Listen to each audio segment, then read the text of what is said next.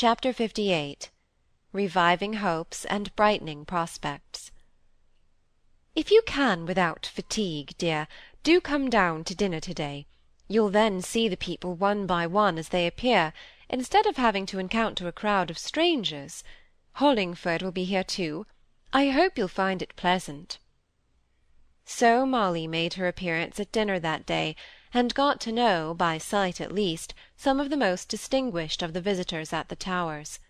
The next day was Thursday, Cynthia's wedding day, bright and fine in the country, whatever it might be in London.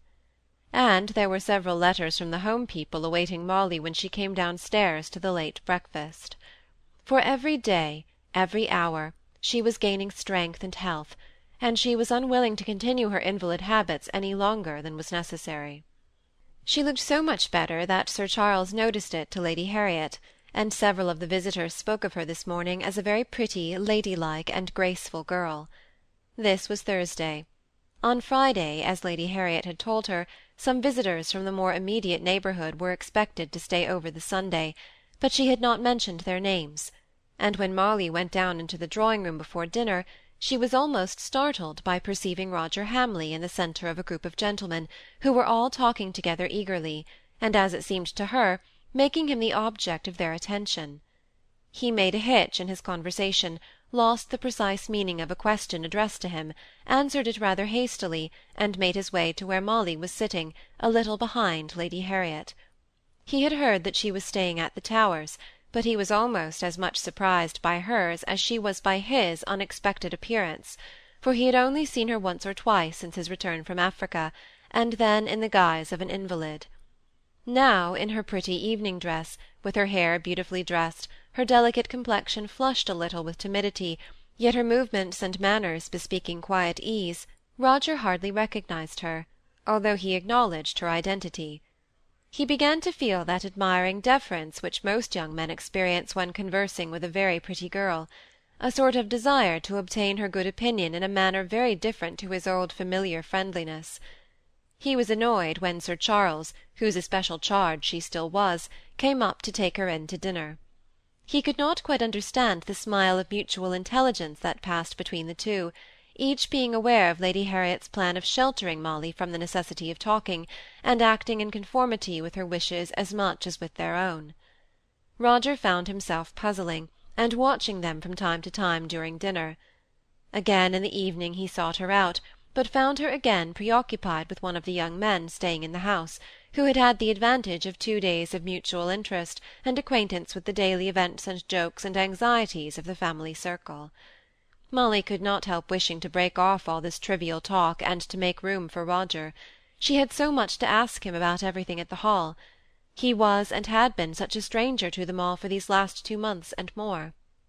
But though each wanted to speak to the other more than to any one else in the room, it so happened that everything seemed to conspire to prevent it. Lord Hollingford carried off Roger to the cluster of middle-aged men. He was wanted to give his opinion upon some scientific subject. Mr. Ernulphus Watson, the young man referred to above, kept his place by Molly, as the prettiest girl in the room, and almost dazed her by his never-ceasing flow of clever small-talk. She looked so tired and pale at last that the ever-watchful Lady Harriet sent Sir Charles to the rescue, and after a few words with Lady Harriet, Roger saw Molly quietly leave the room, and a sentence or two which he heard Lady Harriet address to her cousin made him know that it was for the night those sentences might bear another interpretation than the obvious one. Really, Charles, considering that she is in your charge, I think you might have saved her from the chatter and patter of Mr. Watson. I can only stand it when I am in the strongest health.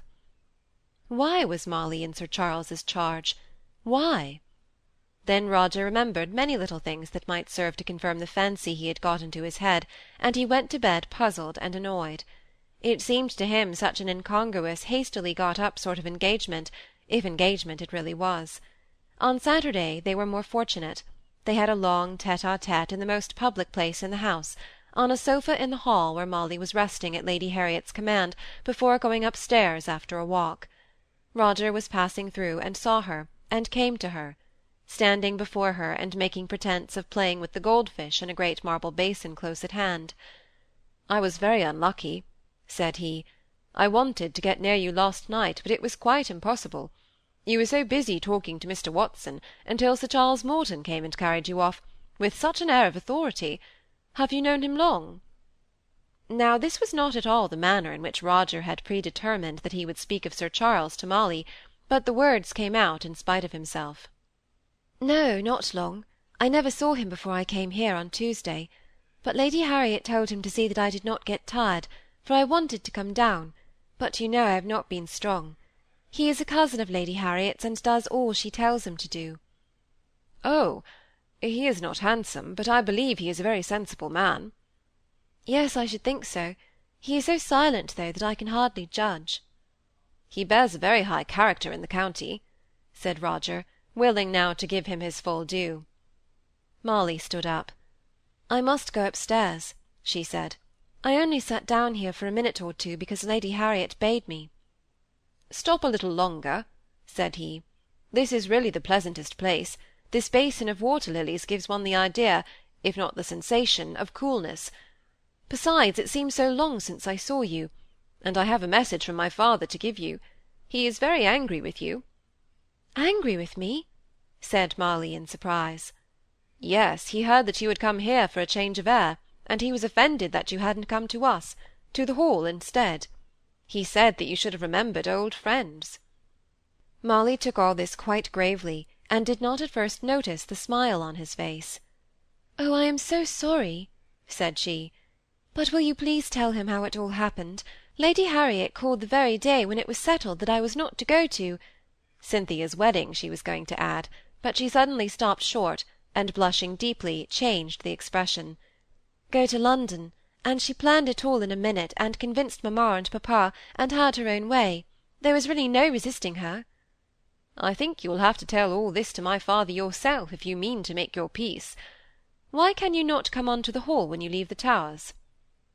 To go in the cool manner suggested from one house to another, after the manner of a royal progress, was not at all according to Molly's primitive home-keeping notions she made answer, I should like it very much, some time, but I must go home first. They will want me more than ever now. Again she felt herself touching on a sore subject, and stopped short. Roger became annoyed at her so constantly conjecturing what he must be feeling on the subject of Cynthia's marriage. With sympathetic perception she had discerned that the idea must give him pain, and perhaps she also knew that he would dislike to show the pain but she had not the presence of mind or ready wit to give a skilful turn to the conversation. All this annoyed Roger, he could hardly tell why. He determined to take the metaphorical bull by the horns. Until that was done, his footing with Molly would always be insecure, as it always is between two friends who mutually avoid a subject to which their thoughts perpetually recur. Ah, yes, said he. Of course you must be of double importance now Miss Kirkpatrick has left you. I saw her marriage in the Times yesterday. His tone of voice was changed in speaking of her, but her name had been named between them, and that was the great thing to accomplish. Still, he continued, I think I must urge my father's claim for a short visit, and all the more because I can really see the apparent improvement in your health since I came, only yesterday. Besides, Molly, it was the old familiar Roger of former days who spoke now. I think you could help us at home. Aimée is shy and awkward with my father, and he has never taken quite kindly to her. Yet I know they would like and value each other, if some one could but bring them together, and it would be such a comfort to me if this could take place before I have to leave. To leave?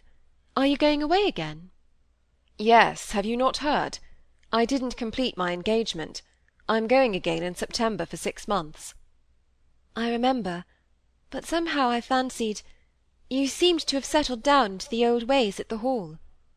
So my father appears to think, but it is not likely I shall ever make it my home again, and that is partly the reason why I want my father to adopt the notion of Aimée's living with him. Ah, here are all the people coming back from their walk. However, I shall see you again. Perhaps this afternoon we may get a little quiet time, for I have a great deal to consult you about.